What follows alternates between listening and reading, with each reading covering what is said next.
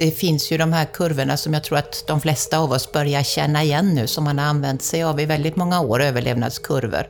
Och det som har hänt de sista åren som gör att kurvan har skuttat uppåt lite grann, det är ju just det här som vi är inne i idag, att vi börjar få tillgång till ytterligare ett vapen, där jag ser att den här precisionsmedicinen kommer in.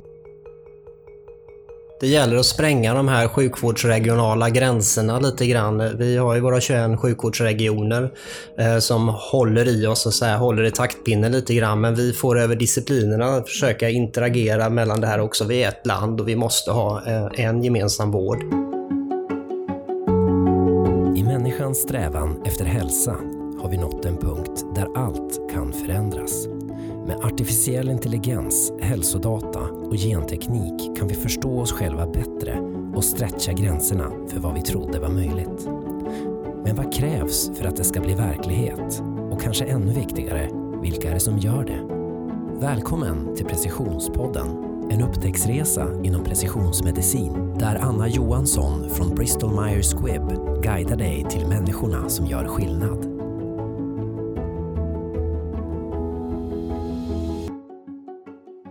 Varmt välkommen till Precisionspodden Karin Mellgren och Fredrik Enlund.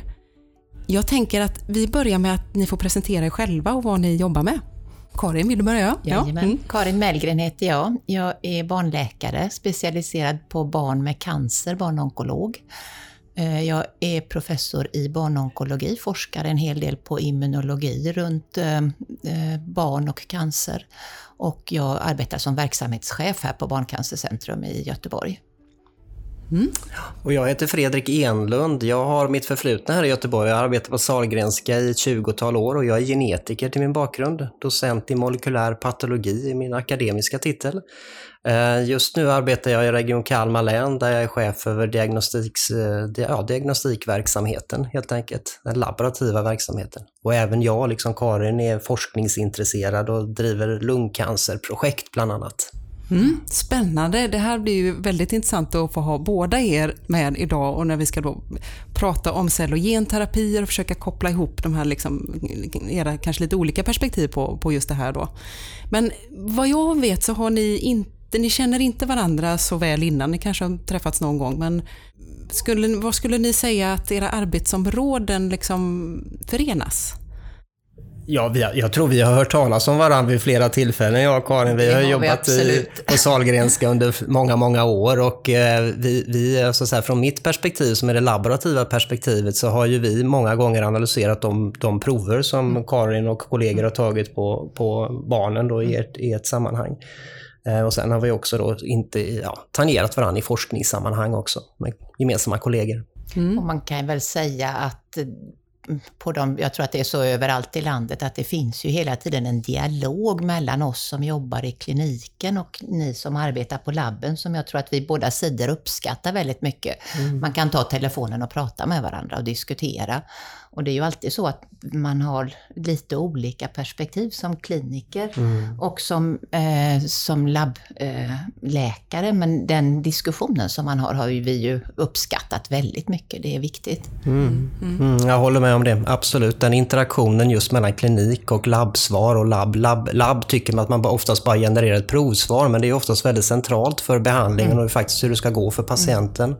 Så den interaktionen är jätteviktig oss mm. emellan. Mm. Mm. Ja, och vi kommer säkert komma in på det ännu mer i samtalet här, men det, det kommer väl öka i betydelse framgent också om vi, ser hur, hur det utvecklas. Liksom, att, eh, att eh, just att den här dialogen och synkningen eh, verkligen fungerar sömlöst. Kan jag tänka mm. mig. Ja, vi får komma det. Ja. Jag tänker, ni båda Eh, har, har ju liksom varit ute och, och pratat om och är ju rätt starka förespråkare av det här med liksom jämlikhet och, över landet och att, liksom, så att alla ska få tillgång till olika behandlingar och sånt där. Eh, så det känns som att ni också har mm. ett gemensamt driv. Mm. Absolut, och jag tänker det är ju en av de viktigaste frågorna tycker jag idag i Sverige, att vi har en jämlik sjukvård, att man i Sverige kan få tillgång till den samlade kunskap vi har oavsett var någonstans man bor. Och där krävs ju ett väldigt mycket samarbete professionen emellan som jag tycker att vi har väl utbyggt och som naturligtvis alltid kan bli bättre. Men som, jag, som särskilt inom, på barnsidan har vi ju sedan länge jobbat på det sättet. Och det, det känns jätteviktigt. Mm. Mm. Ja, jag kan hålla med. Det gäller att spränga de här sjukvårdsregionala gränserna lite grann. Vi har ju våra 21 sjukvårdsregioner eh, som håller i oss och så här, håller i taktpinnen lite grann. Men vi får över disciplinerna försöka mm. interagera mm. mellan det här mm. också. Vi är ett land och vi måste ha eh, en gemensam vård. Eh, så sätt att alla ska ha rätt till samma typ av behandling och samma typ av diagnostik framförallt också. Mm, mm. Så att vi är definitivt förespråkare av det. Mm. Eller i alla fall jag, ska jag säga. Ja, det låter som Karin hänger med också. Absolut, jag är med. Och jag tänker, vi är lite för få personer i Sverige för att man ska kunna samla all kompetens på ett ställe och sen ska det inte finnas någon annanstans. Tillsammans är vi ju alltid bättre. Och vi har inte så många personer på varje position i Sverige så att vi måste samarbeta för att vi ska liksom bli klokare och komma framåt. Ja, bra. Om vi, om vi tar liksom ett steg tillbaka då. Jag tänker Karin, alltså överlevnaden i barncancer har ju ökat rejält sedan 80-talet. Eh, och idag ligger den på cirka 85 procent enligt Barncancerrapporten förra året, 2019. Vad ser du är anledningen till den här positiva mm. utvecklingen? Mm. Alltså det här är ju, det, det, finns ju de här kurvorna som jag tror att de flesta av oss börjar känna igen nu, som man har använt sig av i väldigt många år, överlevnadskurvor. Och det är ju så att de steg väldigt mycket från 80-talet fram till år 2000. Och jag tror att under den perioden, det vi lärde oss, det var ju att ge cytostatika på ett effektivt sätt, att ta hand om, eh, bar, om patienterna, om barnen, när de har fått tunga cytostatikabehandlingar. Sen stod den still runt 80 procent ganska länge mellan 2000 och nu fram till för bara några år sedan. Och det som har hänt de sista åren som gör att kurvan har skuttat uppåt lite grann, det är ju just det här som vi är inne i idag, att vi börjar få tillgång till ytterligare ett vapen, där jag ser att den här precisionsmedicinen kommer in. Det hade vi inte för tio år sedan på barn. Och eh, vi börjar få bättre kunskap om tumörens genetik och vi börjar få bättre läkemedel som då kan behandla specifikt det som en förändring i genetiken ställer till för patienten. Så att, eh, ja. mm, mm. Och Fredrik, om, om vi liksom ser till helheten och inkluderar då vuxenonkologin också. Vad, mm. vad, är din bild av den här utvecklingen? Jo, men absolut. Och jag kan, jag kan bara säga att vi, när vi pratar om barnonkologin eh, inom genetiken så har det varit en paradgren, så att säga. Man har varit väldigt duktig duktig väldigt tidigt med att leta genetiska förändringar inom barnonkologin och det tror jag också är en del, precis som Karin säger, som är viktig i det här. De tekniska landvinningarna från genetiken har gjort att vi har möjliggjort att vi kan specificera de här patientgrupperna mycket effektivare och vi kan monitorera, vi kan se hur det går för dem, vi kan följa dem under resans gång så att klinikerna kan behandla eftersom sjukdomen rör sig. Eh, och det är då den erfarenheten jag har från att eh, ha jobbat med ett duktigt laboratorium här i Sahlgrenska på genanalys på klinisk kemi där de har fantastiskt eh, bra teknik för att kunna se det här. Så det är inom barnonkologin. Inom vuxenonkologin är det ju precis samma sak egentligen, att vi har kunnat tack vare genetiska landvinningar karaktärisera tumörer på ett helt annat sätt. Jag brukar säga att till exempel lungcancer, det har gått från Eh, 20-tal år sedan så var det fem olika sjukdomar och sen blev det tio olika sjukdomar. Idag är det upp till 50, kanske 60, kanske 100 olika sjukdomar. Men eh, för just en tumör som sitter i lungan, just för att vi kan nu karaktärisera den med morfologi och mikroskopi men också med genetik. Mm. Fredrik, jag tänker det är ju lite skillnad på, på genetiska förändringar i en barntumör överlag och i en vuxentumör överlag. Så som jag förstår det från mitt lite kliniska mm. perspektiv så finns det oftast färre genetiska förändringar i barntumörer. Ja. Är det så? Ja, men det är så absolut. Och tittar man på barnleukemierna så brukar man ju prata om att det finns ett tiotal genetiska drivande förändringar. Fem till tio, ibland bara enstaka genetiska förändringar som driver tumören. Eh, Medan för en vuxen eh, för till exempel en brösttumör så är det 200-300 genetiska förändringar som mm. driver tumören. Så de är, liksom, om man uttrycker sig genetiskt, lite renare eh, barntumörerna, mm. vilket kanske mm. också gör att de är lite känsligare och lite lättare att behandla så sätt. Ja. Och också kanske gör en viss skillnad i möjligheten att hitta hitta läkemedel som slår på genetiska förändringar, tänker jag. Ja. För det, det, upplever vi ju att det är en skillnad idag i, an, i liksom tillgång till läkemedel på vuxensidan och på barnsidan. Mm. Mm. Brukar tumörer av samma sort om nu tänker jag på en typ av tumör som man ser både hos uh, unga, hos barn och hos vuxna. Brukar det förändras med ålder? Nu ska vi se, nu sätter det mig lite grann på pottkanten, men att eh, om man ser på en leukemi så har en leukemi hos en vuxen oftast fler genetiska förändringar Mm, i mm, alla fall mm. än en barn, precis Mm, som du säger. Tittar man på en annan vanlig typ, eller vanlig är de ju inte någon av de här egentligen, men sarkom till Mm. exempel, så har ju de också lite annorlunda profiler, Mm. men oftast kan man hitta de gemensamma gem- nämnarna i barn som vuxentumörerna. Om man då pratar om till exempel fusionsgener som är Mm. väldigt intressant. Och fusionsgen är helt enkelt när två gener som inte ska slås ihop slås samman och då driver tumören, så att säga, cellen till att bli en tumörcell. För det där tycker jag är viktigt. Nu tar jag över lite här. Ja, så mycket spännande frågor. För jag tycker det är väldigt viktigt. För ofta så när vi pratar läkemedel och tillgång till läkemedel på barn Mm. så är det ju ofta så att man gör studier i vuxenpopulationen och man letar efter förändringar på vuxna patienter. Men vissa av de här cancersorterna i min värld har ju samma typ av förändringar även hos barnen. Mm. Är, är det så som... Så du, Ja, alltså min, jag, som sagt, jag är inte expert på barnonkologin så som du är, men för leukemierna så är det ju ofta så att man har ibland unika, men och även i, i vissa fall delar man de här i vuxen och barnålder, men i vissa är det unika för barntumörer, Mm. Som är då anses vara särskilt aggressiva då för just uppkomsten av tumörerna. Ja. mm. Ehm, mm. Men om, bara så att vi förstår rätt här nu då, så att liksom hos barn så är det, mutation, det är färre mutationer då eh, i cancrarna eh, hos ett barn. Är det lättare då att behandla sig? Eller är det, jag tänker om det är många mutationer kanske är det lättare att hitta också ett, ett medel mot det? Eller är det tvärtom? Nej, alltså i, i rent generellt så brukar vi ju tycka att vi har bättre resultat. Vi har högre överlevnad, det är ju bättre resultat i min värld, på barn än på vuxna. Och det kan ju bero på många saker. Det kan bero på att tumören är mer känslig för de läkemedel vi har tillgång till idag. Och så kan det ju vara. Och sen är det naturligtvis hur sjuk kroppen är som inte är tumör så att säga. Och det väl, Ja, säger ju sig självt att en 80-åring kanske har svagare hjärta och andra problem än vad ett ungt barn har. Eh, Men om det vi pratar om nu, det är ju just det här liksom, nya läkemedel som riktar sig mot en genetisk förändring i en tumör. Ja, precis. Och jag tror att det är, en, det är viktigt att komma ihåg att vissa av de här läkemedlen som vi idag bara har riktat emot vuxna patienter skulle också kunna fungera på barn med samma diagnos. Eh, Men det är inte alltid testat för barnen. Nej, nej. Så det är inte alltid vi har svar på det. Det är inte alltid de studierna finns. Mm. Mm. Ja.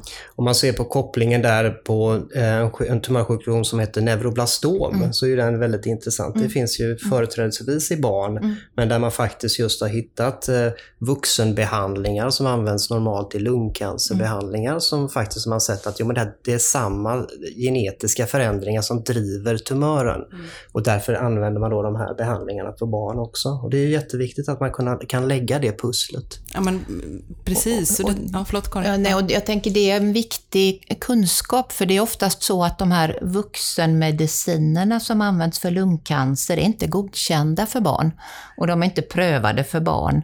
Så att vi som barnläkare kan inte använda dem på ett godkänt sätt, vilket ibland ställer till bekymmer då i den här nya kunskapsvärlden som vi befinner oss i, där vi lär oss mycket om nya genetiska förändringar som skulle vara behandlingsbara. Ja, och där tänker jag då, för då, alltså det, är ju, det är ju en fantastisk utveckling som, som vi har sett och som vi lever i just nu. Då. Om Man tänker, om vi nu ska, för att nå upp då till de här sista, sista procenten upp till 100 procent överlevnad, vad, vad, är, vad är det vi behöver göra? Är det mer, du, Karin, du är inne på att liksom mer studier på barn, verkar det som. Lite mer, vi behöver mer kunskapsunderlag där. Men vad, är det, vad, är, vad behöver vi mer göra? Alltså jag tror att, utan att, jag är ju inte alls kliniskt kunnig så här, några av dem kommer vi aldrig klara av kan jag väl säga så här dessvärre. Vi kommer nog inte kunna bota 100% för att cancer är en ändå en klonal evolutionssjukdom kan man säga. Det är- cellens normala sätt att försöka hitta en överlevnad i sig själva. Och tyvärr är det så att vissa lyckas med detta och blir eh, eh, eh, överlevare och de har vi väldigt svårt att kunna hantera tror jag. Jag tror man måste vara realist med det. Men däremot är det så att vi lär ju oss hela tiden förstå. Jag brukar säga att cancer är en cellsignalsjukdom, en cellsignaleringssjukdom.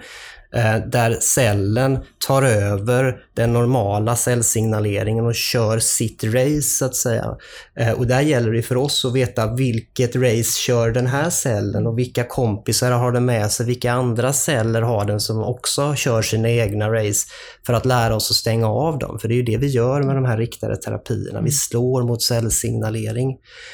Eh, och i de bästa världar så ska vi kunna så att säga, trycka ner de här egenspelarna då som cancercellerna är. Men jag tror ju väldigt mycket på, det här tror jag gärna att Karin har mycket mer erfarenhet av, att vi måste börja slåss, inte bara från utsidan utan från insidan också och slåss med de här immunoterapierna. Mm. Mm. Och låta mm. kroppen själv mm. hantera de här avvikande cellklonerna. För då har vi en mycket större rimlighetschans. Mm, mm.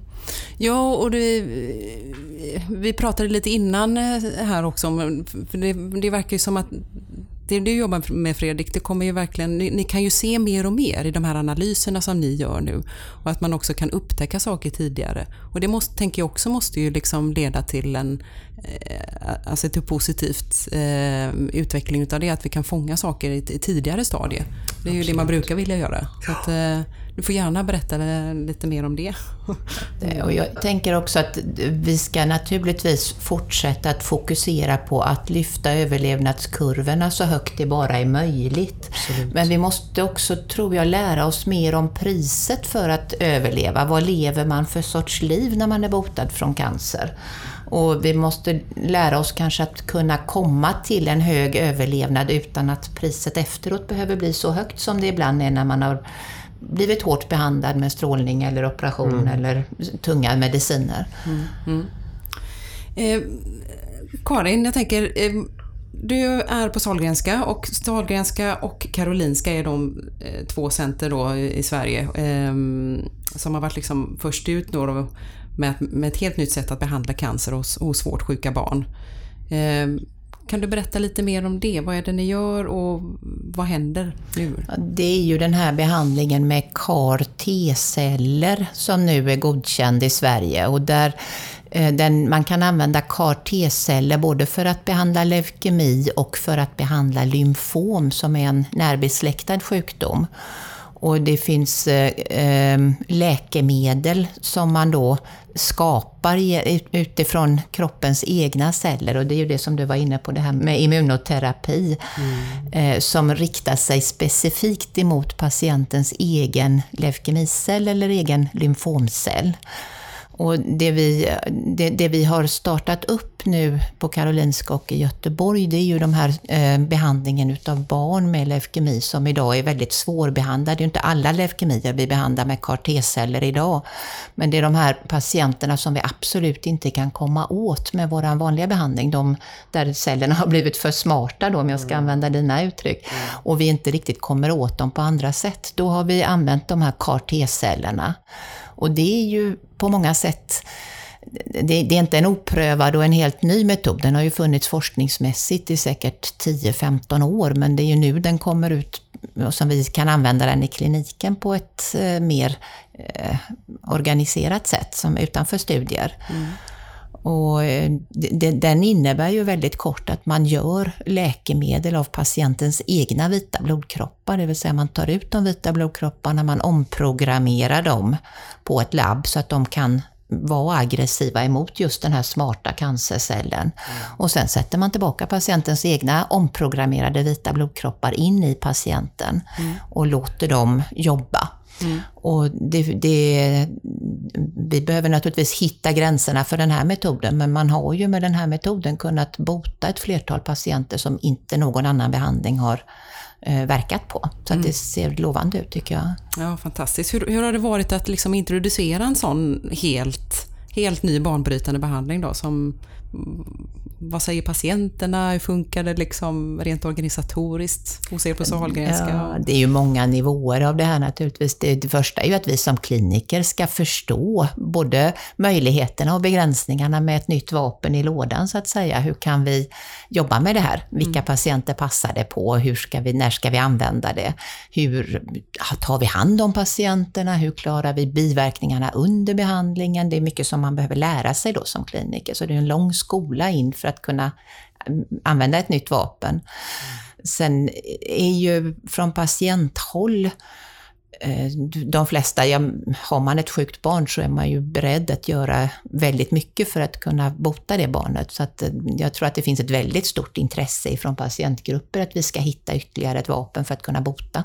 Mm. När man pratar om det här regulatoriska, hur gör vi? Det här är ju en helt nytt för oss i Sverige och det har inte varit helt lätt och det är fortfarande många saker som, det här är ju i sin linda och vi har väldigt mycket att jobba med i Sverige tror jag, när det handlar om hur vi inför en ny behandlingsmetod i klinisk praxis. Det, det, det ställer till sådana här juridiska problem som man kanske inte alltid tänker på.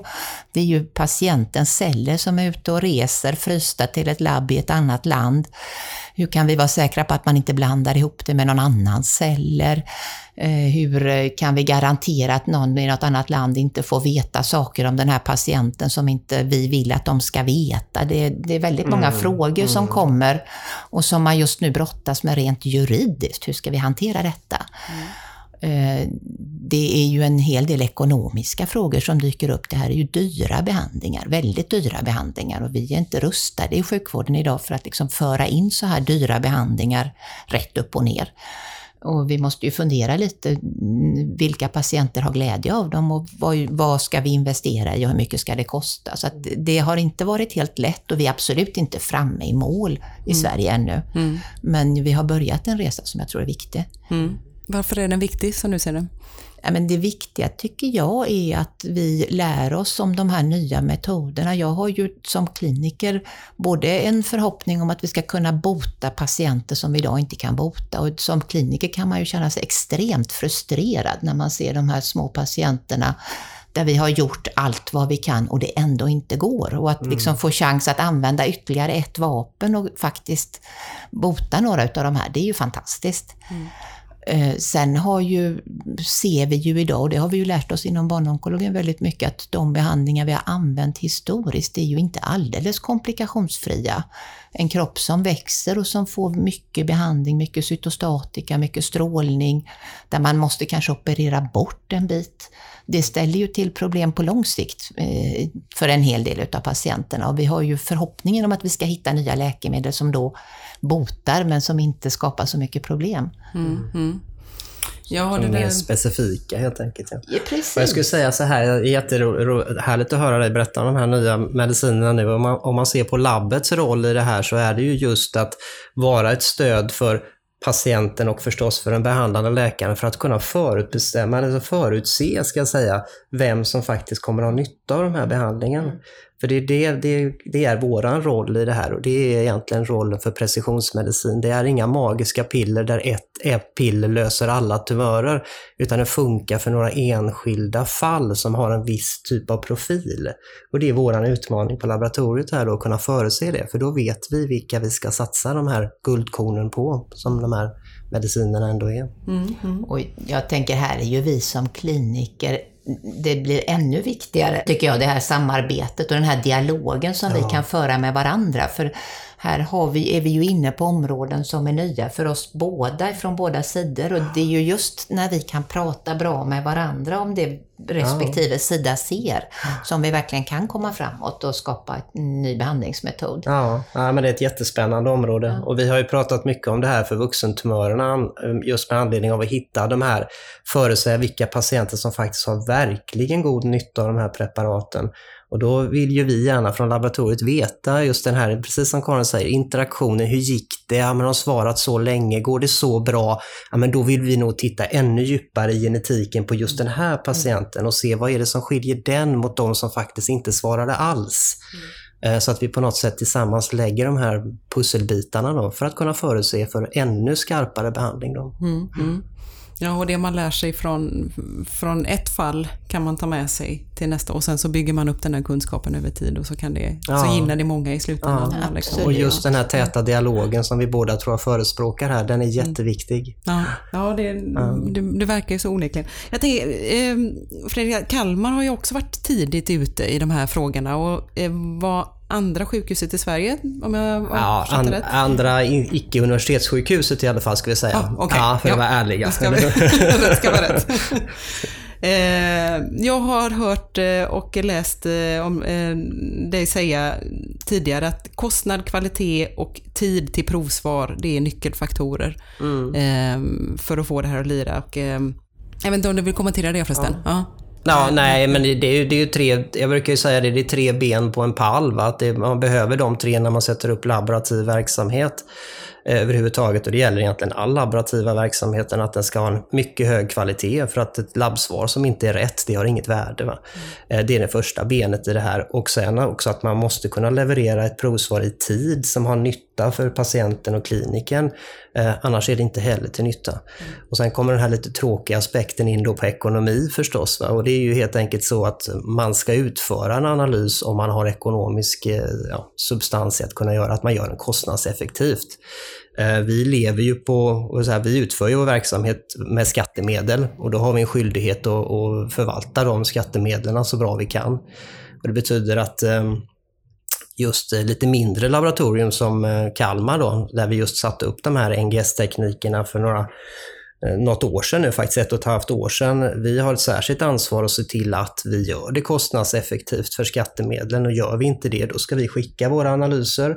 Men då brukar vi oftast få lida i någon av de här andra parametrarna då. Sällan i kvalitet, men däremot i tidsaspekt får vi lida då. Då får patienten och kliniken ett senare provsvar om vi måste skicka. Mm. Så det har varit våra, så att säga, huvudgrenar till varför vi sätter upp den här NGS-tekniken i Region Kalmar län. Då. Mm. Och NGS, vill du bara jättekort förklara den förkortningen så att alla ja. är med på det? Ja. NGS är en teknik som heter Next Generation Sequencing och vi är alla lite förbluffade vad som ska komma här, här efter det. Men eh, vi, vi, får väl se om det blir Next Next, next, då, next, eller någonting. Va? Men det, blir, det är egentligen eh, en teknik som, eh, som eh, ursprungligen uppfanns 1977. Då, åtminstone då fick eh, Fredrik Sanger Nobelpriset i den för att kunna identifiera mutationer eller nukleotider i en DNA-kedja. Mm. Och då på den tiden kunde man identifiera en åt gången. Eh, den här tekniken möjliggör att vi kan göra, så som jag sa tidigare, 10 miljoner analyser åt gången. Vi kan alltså skala upp den här tekniken enormt mycket. Vi kan på ett patientprov titta på 500 gener åt gången. Vi kan titta på hela arvsmassan på en patient om, om vi vill. Och Det pågår ju sådana undersökningar just med barnleukemierna och barntumörerna att man faktiskt gör det. Man, man bläddrar upp alla tre miljarder byggstenar som, en, som varje cell innehåller och tittar i vilken ordning de kommer. Eh, och det har varit helt omöjligt förut. Mm, mm. Men det har som sagt, det är den tekniken som har möjliggjorts nu. Mm. Men när man ser då den utvecklingen då så tittar man på, man kan liksom analysera mer, hitta mer.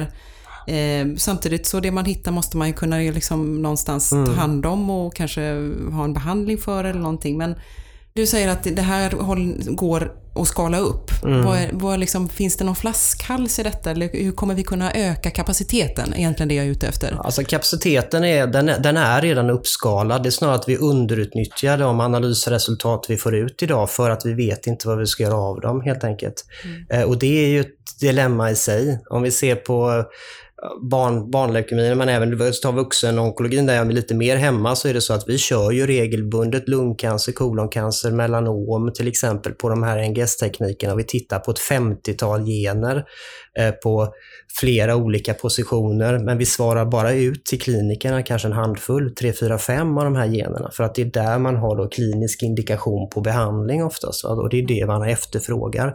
Men det betyder att i byrålådan så har vi ju information på väldigt mycket annan genetik också. Mm som vi inte riktigt kan lägga pusslet för. Vi kan inte förstå varför man har mutationer i andra gener också förrän just den här interaktionen med klinikerna kommer till där en, där en läkare ringer och säger att nu har Pelle svarat extremt bra på behandlingen här. Vad kan det bero på? Mm. Då kan vi liksom börja plocka ihop den här övriga genetiken kanske och se att jo men Pelle och, och, alla andra som svarar bra, de har en viss typ av genetik och det är, det, det är dit vi vill komma i det här fältet. Då. Men just nu, idag gör vi inte riktigt det. Mm.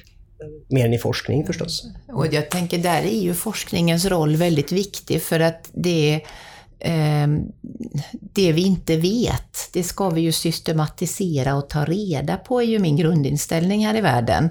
Sen kan ju jag som kliniker kanske inte alltid är betjänt av att veta allt det som ligger i er byrålåda och som inte jag vet vad jag ska göra med. Utan jag är ju betjänt av att veta de saker som jag kan agera på, som kan hjälper mig att välja behandling för min patient. Mm. Eh, men i forskningssyfte, i forskningssammanhang, där behöver vi ta reda på det vi inte vet idag. Så det är ju mm. viktigt tycker jag att man liksom systematiserar all den här kunskapen som vi idag inte kan göra så mycket av och mm. att vi också kopplar den till kliniska data och det kan man ju inte göra på varje individ. Utan det behöver man nog göra i stora studier där man tittar på överlevnad för olika grupper av patienter och försöker att leta systematiskt, tänker jag. Det, det måste vi absolut, absolut göras väldigt välordnat. Jag håller, håller med dig helt och hållet och delar det. Man brukar ju säga att overload kills the message ibland. Va? Så skulle vi leverera allt det vi får ut, då hade klinikerna fått sätta sig med eh, här, mikroskop och börja titta på labbrapporterna för att förstå vad det är de egentligen vill åt. Och mm. dit vill inte vi komma. Utan vi vill åt kärnan till vad ni frågar för just i stunden. Men eh, det finns mer information att hämta. Mm. Det tycker jag det är, det är ändå spännande. Men det ska helt, helt klart göras systematiskt och i organiserade forskningsstudier. Och det görs runt omkring i världen hela tiden. Nu letar vi så kallade genetiska biomarkörer för mm. att förstå mer.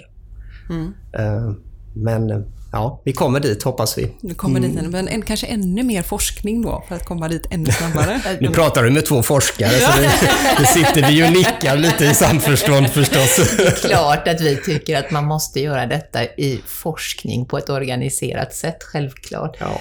Och jag tror att det är väldigt viktigt att man i de här sammanhangen skiljer på vad som är forskning som saker vi inte vet och det vi faktiskt vet och kan åtgärda. Ibland blir det ju så när man är långt framme i ett fält att man så gärna vill veta saker och ting och använda sig av det och så glömmer man lite vad är det vi vet och som vi har evidens på som vi använder i behandlingen och vad är det vi håller på att ta reda på i ett forskningssyfte. Så att jag mm. tror att vi alla framförallt vi kliniker behöver i vårt huvud ha lite klart för oss att det här är forskning mm. och det här är vad vi vet. Mm. Och där behöver vi ju hjälp i dialogerna med labben, tänker jag, så att mm. man skiljer på det där som vi håller på att ta reda på, det där som vi faktiskt vet. Absolut. Och vi har ju vårdprogram att följa så att säga, så det, det är ju vår skyldighet att följa dem, så vi ska inte frångå det. Men eh, man hamnar ju som sagt i lägen ibland där man, där man hittar saker mm. som vi inte riktigt förstår och det är klart att då måste man kunna eh, hantera den informationen också. Det är mm. viktigt. Mm. mm. Mm. Jag tänker, nu drar jag det tillbaka lite grann eh, till det här liksom, eh, tanken med cell och genterapier och sånt där och utvecklingen där. Alltså, tror ni... Eh, nu säger du Karin att det finns, vi är fortfarande det är i sin linda, vi har så mycket kvar att lära om detta. Men ser, man, ser vi ändå att liksom eh, jag tänker sånt som, ehm, som cellgifter, är det på väg att försvinna? Kommer det försvinna i takt med att liksom precisionsmedicin och immunterapier och sånt där mm, kommer in? Eller? Det tror inte jag. Jag tror inte att vi kommer att kunna ersätta cellgifter och strålning och operation som idag är de tre ben vi kan väldigt mycket om helt och hållet med precisionsmedicin. Och jag tänker att vi kommer att behöva ganska lång tid innan vi förstår hela vidden av ny precisionsmedicin. Det har ju tagit oss 30 år innan vi förstår biverkningar av cellgifter och det kommer naturligtvis att ta 30 år innan vi förstår alla biverkningar av det vi skapar idag. Så att jag tror inte man liksom, hej, bara kan släppa allt det vi kan idag för att gå över till precisionsmedicin. Däremot hoppas jag och tror att vi kommer att mer och mer kunna använda oss av precisionsmedicin och att vi lär oss att använda det kanske som ersättning för cellgifter. Det är ju dit vi skulle vilja komma i många fall. Mm, mm. Ja, för nu används det som du säger på de allra, liksom de allra svåraste mm. fallen mm. där det liksom mm. man inte får mm. något annat. Det finns inget annat att ta till, tar man till detta. Men, oh. men hade, hade, hade det varit bra att kunna använda det på fler?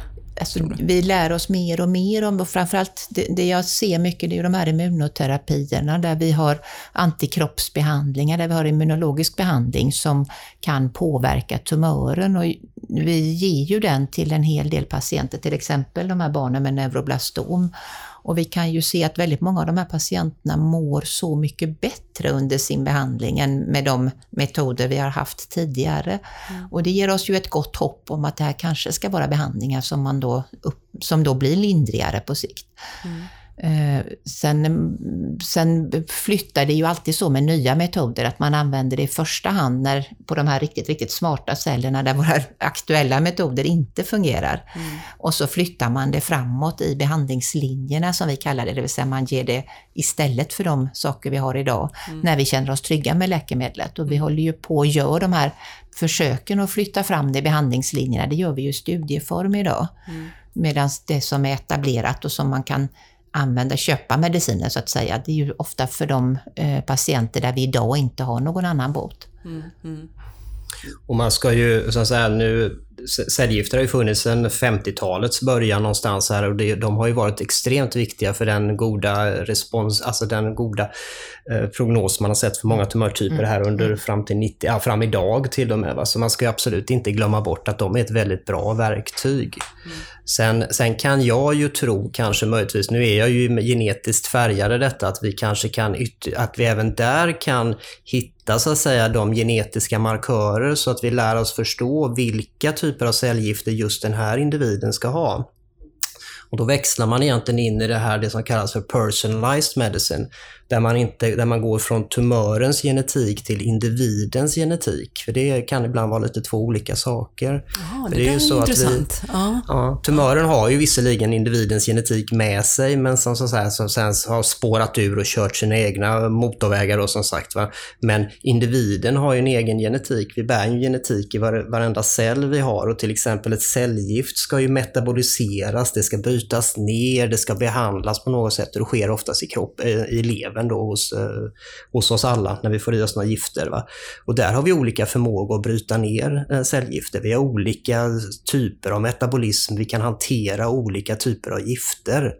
Eh, och vi kan ju bara som exempel ta alkohol eh, som ett gift och vissa folkgrupper som absolut inte ens tål det, för de saknar den metabolismen.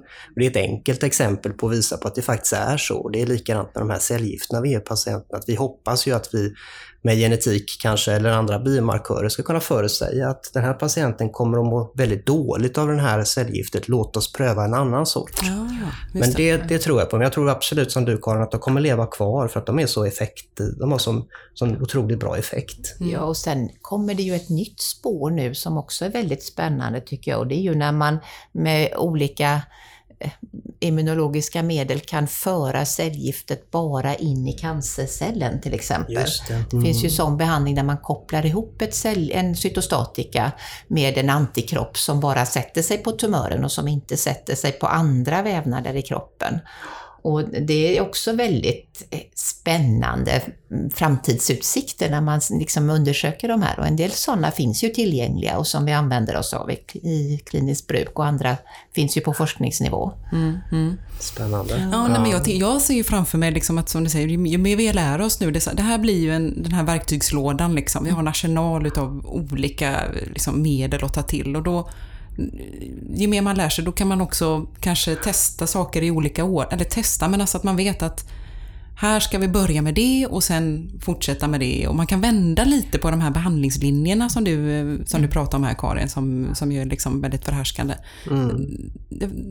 Ja, det, är, det är min tanke, jag vet inte hur det... Jag tror, jag tror vi lär oss att förstå, alltså det här, när jag pratar med patologerna så säger de så här, men Fredrik, det där visste vi redan, det har vi vetat i 200 år. när, de, när jag säger så här att ja, men det är många olika sjukdomar, det är massa olika sjukdomar det här med cancer. Det är inte bara en sjukdom, för vi, vi råkar just nu kunna se skillnad i genetiken på dem. Mm. Det vet klinikerna också och, och de som behandlar vet att kommer en bröstcancerpatient så beter det sig inte likadant som en annan. Kanske snarlikt men inte likadant. Va? Och det är den kunskapen tror jag som gör att vi nu ser att det är en sån otrolig palett på olika varianter av tumörsjukdomar. Och det måste vi lära oss kunna hantera. Många av dem kommer vi kunna hantera, några kommer vi inte kunna hantera direkt nu, men då får vi lära mer om dem. Mm. Och jag tänker just den här kombinationen, det som du var inne på tidigare, att man från första början kan veta att det här är en individ som tål den här typen av läkemedel och det här är en individ som tål en annan typ av läkemedel. Den, mm. den sortens testning kommer man säkert att kunna göra mycket mer i framtiden och det ger oss ju mycket större möjligheter till att komma åt tumörerna utan att eh, skada allt för mycket. Mm. Sen klart att det, alla läkemedel är inte effektiva mot alla tumörer, så att det kommer ju också begränsa vad vi har att välja på så att säga som kliniker. Och det, i vissa lägen kommer man ju inte kunna välja bort ett visst läkemedel, mm. för det är bara det som har effekt på just den tumören. Ja, så att, eh, men, mm. men just det här att skapa en verktygslåda som är mycket större än den vi har idag, det tror jag absolut det här kommer att leda oss till. Vad, vad ser ni för tidshorisont på den här utvecklingen då? Vad, vad tror ni, vad kommer hända liksom? Alltså ja, man försöker ju alltid vara optimist, men så är vi samtidigt forskare och realister någonstans. Va? Som vi säger, att jag, jag, tror egentligen att teknikerna finns idag som sagt för att kunna göra det här. Eh, och det finns eh, markörer också som man skulle kunna titta på mer. Men det, det handlar om att det ska vara acceptans och det ska finnas i, inskrivet i våra vårdprogram för det ska finnas klinisk eh, signifikant data för det. Va? Eh, och det är extremt viktigt innan vi ska börja behandla efter det. Jag, om jag säger 5 till 10 år då, Eh, så hoppas jag i alla fall på att vi ska vara där någonstans. Mm. Och när det gäller barn som jag ju tittar på så ser jag ju kanske ett ännu längre tidsperspektiv och det handlar ju lite grann om att det alltid tar längre tid innan en, ett nytt läkemedel är testat på barn. Väldigt många är ju inte ens aktuella för testning på barn, vilket vi som barnläkare tycker är tråkigt. Mm. För det finns idag många läkemedel som skulle potentiellt kunna vara effektiva på barntumörer, men där man kanske väljer att i första hand introducera dem för lungcancer eller någonting mm. annat, därför mm. att det mm. finns fler patienter. Och jag tror att innan det här finns testat och tryggt och kliniskt och tillgängligt. Det beror lite på vilken vilja vi har att faktiskt introducera dem eh, i Sverige. Mm. Eh, men jag tror inte att vi är där imorgon eller övermorgon, utan det tar nog tid som du säger. Ja, ja säger plus tio år då.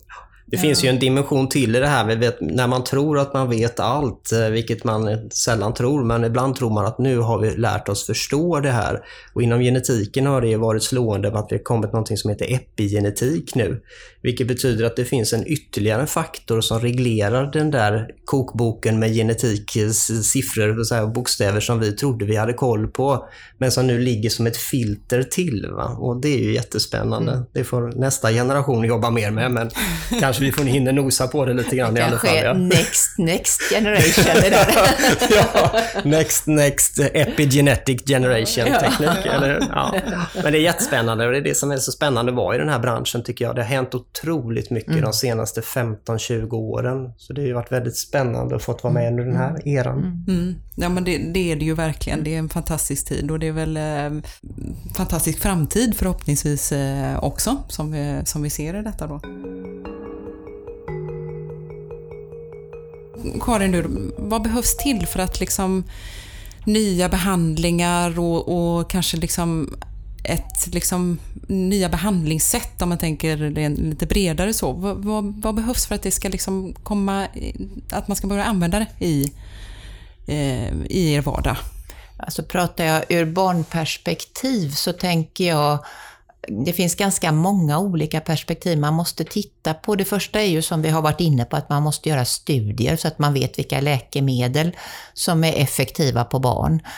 Eh, och för att kunna göra dem, då måste vi inse att Sverige är ett ganska långt land och vi har ganska glest med befolkning och det är väldigt få barn vi pratar om.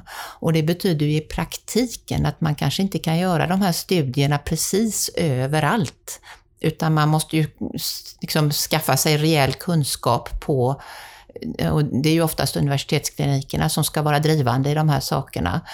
Men Sen när man tittar ur patientens perspektiv så kan man ju inte resa med sin familj i ett läge där barnen är svårt sjuka över hela Sverige för en studie. Så att vi måste hitta på något sätt en möjlighet att göra de här studierna göra Sverige attraktivt som studieland så att det liksom går att, gör, att bedriva den här, de här typerna av barnstudier som faktiskt behövs även i Sverige. Och sen ändå hitta en logistik så att man inte behöver skicka väldigt svårt sjuka barn under långa perioder långt bort ifrån resten av familjen till någon storstad i andra ändan av Sverige. Och där har vi nog ganska mycket vi behöver jobba med, både regulatoriskt och ekonomiskt. Mm. Och där kommer vi ju till de här sakerna att vi har olika sjukvårdsregioner, vi köper tjänster av varandra. Det finns många sådana här saker, vi, hinder vi behöver faktiskt jobba med och överbrygga för att kunna skapa de här bra studierna. Mm, mm. Så att, eh, ja. ja, tillbaka till det där och jag vet att du och Karin har också varit ute och pratat mycket om det att vi behöver verkligen ett nationellt grepp kring de här frågorna och för att vi ska liksom få ihop det. Ja, jag, jag ja. tänker att vi behöver ett nationellt grepp både så att vi kan, jag menar vi har lärt oss jättemycket digitalt. Vi måste inte alltid skicka patienter. Vi måste ha ett nationellt grepp där vi funderar på hur kan vi bedriva studier på ett vettigt sätt utan att alltid flytta på patienten. Kan man föra vissa samtal digitalt? Kan man flytta studieteamet? Man måste kunna tänka lite out of the box så att säga. Mm, och sen måste vi skapa ekonomiska förutsättningar. Det går inte om jag som verksamhetschef på min sjukvårdsbudget ska konkurrera mellan att anställa sjukvårdspersonal och kunna skicka barn till studier. Utan vi måste ju, det, det kan inte vara så att jag måste avskeda tio personal bara för att jag ska kunna skicka ett barn till en studie. Det funkar inte. För att vi måste ju, mm. Utan vi måste hitta vägar för att kunna göra de här studierna utan att något sjukhus blir ekonomiskt straffat så att säga. Mm. Och det är klart att vi måste ju också hitta vägar så att om man nu råkar bo på en ände av Sverige där det inte finns ett universitetssjukhus nära, så ska ju inte det sjukhuset gå i konkurs för att man ska behöva skicka en patient till ett annat sjukhus i en annan stad. Utan det, vi måste lösa de här ekonomiska frågorna och de ställer faktiskt till det idag. Mm. Lite grann. Ja, det låter ju helt absurt. Jag vet, ja. du, har ju, du har ju drivit den här frågan under en längre tid. Hur, hur, liksom, hur har det gått? Ser vi någon förändring i de här frågorna eller är det fortfarande same same? Om jag ska säga så här att den är inte löst än. Ah, okay. ja, det var, det var så, så kan vi säga att vi ja. behöver fortfarande jobba med den. Ja, ja. Mm. Det, en, eh, ja, det, det, finns kanske uppmaningar där eh, direkt, till direkta funktioner i detta system. Ja. Jag, kan, jag, kan, lägga på en pinne där också till Karins favör att säga att jag håller med henne helt och hållet. Va? Och det är så här att vi är, vi är ett rike, men ändå är det ibland juridiska hinder mellan regioner som sätter hinder och det tycker jag egentligen är helt obegripligt för vi har en lagbok. Men den tolkas ibland lite olika vilket omöjliggör eh, interaktion mellan regioner. Tyvärr är det så, jag ska inte sticka under stolen. Och också det här med ekonomiska utbytet mellan regioner sätter hinder för oss ibland. För att den här mm. fria rörligheten, den fungerar inte så väl alltid. Vi, vi får den att fungera till slut i alla fall, ska jag säga. Så att inte någon känner att vi sitter med armarna i kors här, för det gör vi inte. Eh, men den är ett hinder för den, den här interaktionen som du efterlyser här och som ja. jag också tror är väldigt viktig. Ja, jag tänker att den är kanske extra mycket ett hinder i patientgrupper där det inte finns så väldigt många. Det är lättare att lösa problem om man har hundra patienter att lösa det för än när man har en patient kan jag tycka ibland. Särskilt när man behöver ändra organisationen. Mm. Och sen tycker jag att det är ett viktigt perspektiv det här med barn och deras behov av att vara nära sin familj. Och det är inte alltid våra lagar riktigt har tagit höjd för det, för man tror ju inte att barn ska vara så sjuka att de behöver det, detta. Mm. Mm. Så att jag, det, man behöver tänka på det, hur ska vi lösa den, det på ett bra mm. sätt mellan sjukvårdsregionerna. Mm. mm. mm. Och det är ju egentligen vårt viktiga mantra i sjukvården med patienten i centrum. Mm. Det är det, vi får aldrig glömma det, för att vi har bara en roll att fylla och det är för att patienten behöver vår hjälp. Och det, vi får inte glömma det, slarva bort det i det här. Det är viktigt. Så att, eh, nu, nu har vi varit rätt mycket inne på det. Det är liksom geografiska utmaningar detta, det finns ekonomiska och, och liksom lite sådär strukturella. Eh, men hur är det med kompetensförsörjningen? Eh, om vi ser framåt där. Vad, vad behövs till där? Eller? Mm.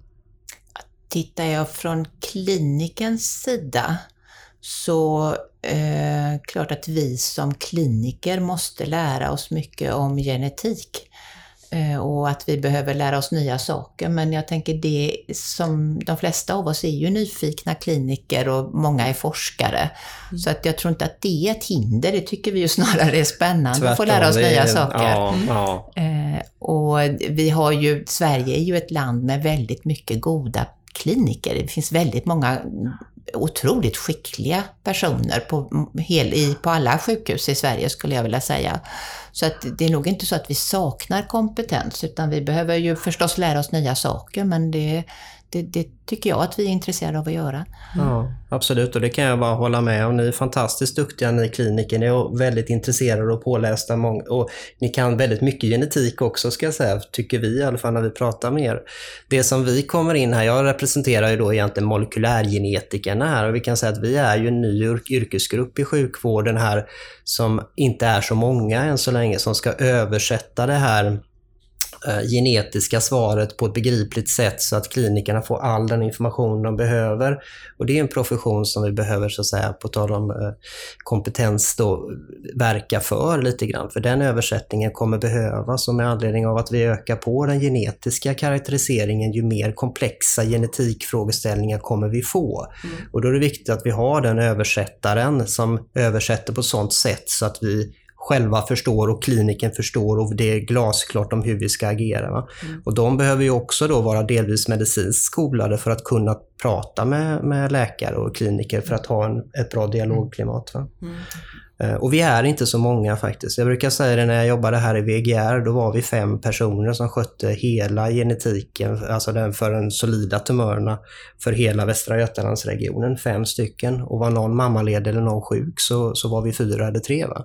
Så att det, var, det är väldigt få personer som gör den här, det kan vara lite flaskhals i vårat perspektiv. Det låter lite skört i alla fall. Eh, lite så. skört är det. Mm. Jag säger inte att vi behöver vara 25, men vi behöver tänka på kompetensförsörjningen för att kunna kunna hålla den höga kvalitet som vi vill ja. göra mot klinikerna. Mm. Nu jobbar vi i svensk molekylär patologi, bland annat jobbar vi väldigt mycket med de frågeställningarna just. Mm. Och jag kan tänka, jag kan bara förstärka det du säger, för jag tänker om vi i klinikens sida bygger upp ett system där vi är beroende av att få den här informationen för att vi ska göra rätt val för patienten, så blir det ju oerhört skört om de personer som kan ge oss den informationen inte finns. Mm. Så att det, vi, vi, har ju ett stort behov av att det finns de här personerna som förstår alla de genetiska saker som ligger i byrålådan och som också förstår att ge mig den information jag har nytta av. Mm. Och det är jätteviktigt. Mm. Mm. Ja, vi, hade, vi har haft ett, eh, I den här podden så har vi haft ett samtal med Per Sikora från Genomic Medicine Sweden också. Och han var också inne på det här att eh, vi behöver mer bioinformatiker, tyckte han då. Som kan biologi och informatik. Liksom. Mm. Den, eh, mm.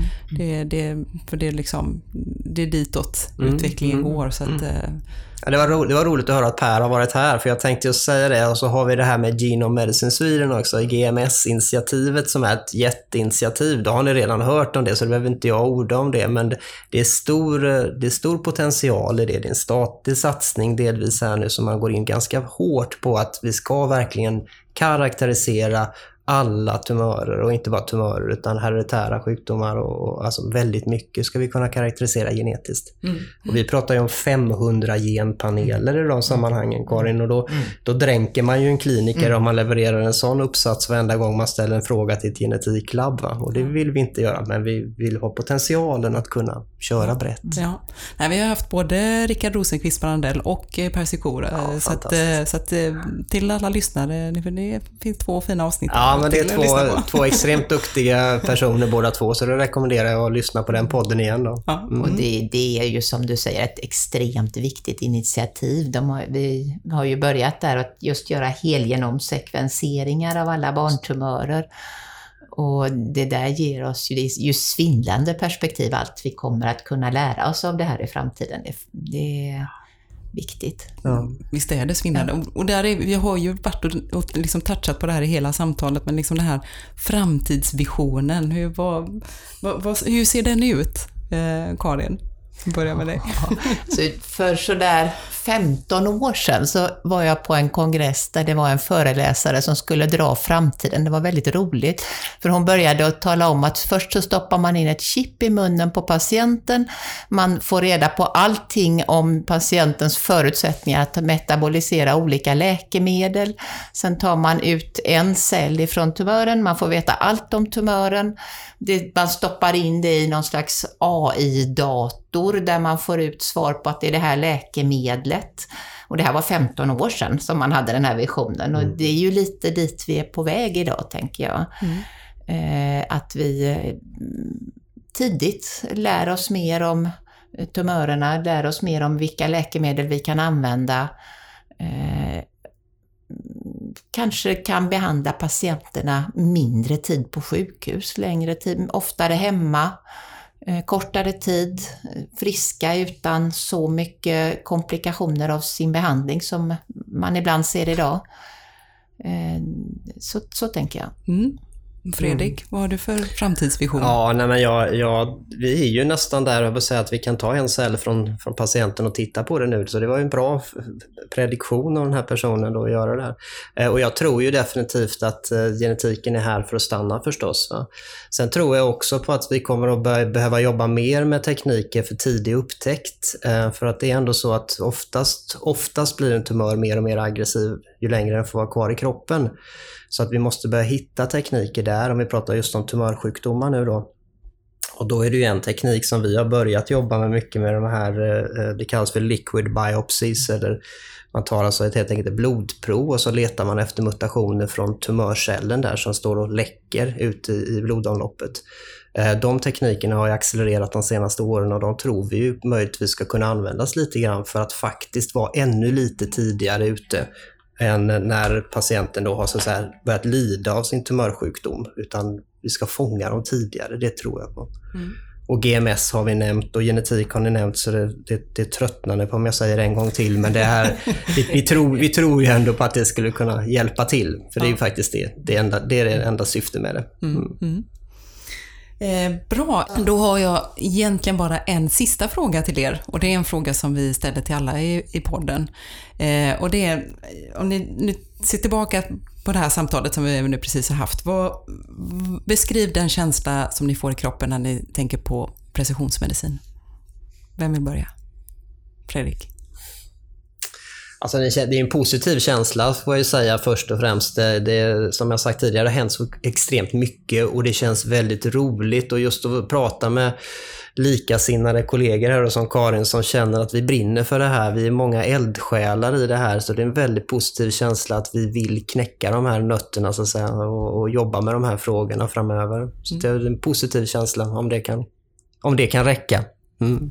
Härligt, Karin. Och jag kan ju bara hålla med. Det är oerhört spännande. Jag ser ju precisionsmedicin som ytterligare ett verktyg och det är fantastiskt att få chans till att ha ytterligare verktyg när man mm, interagerar med patienter.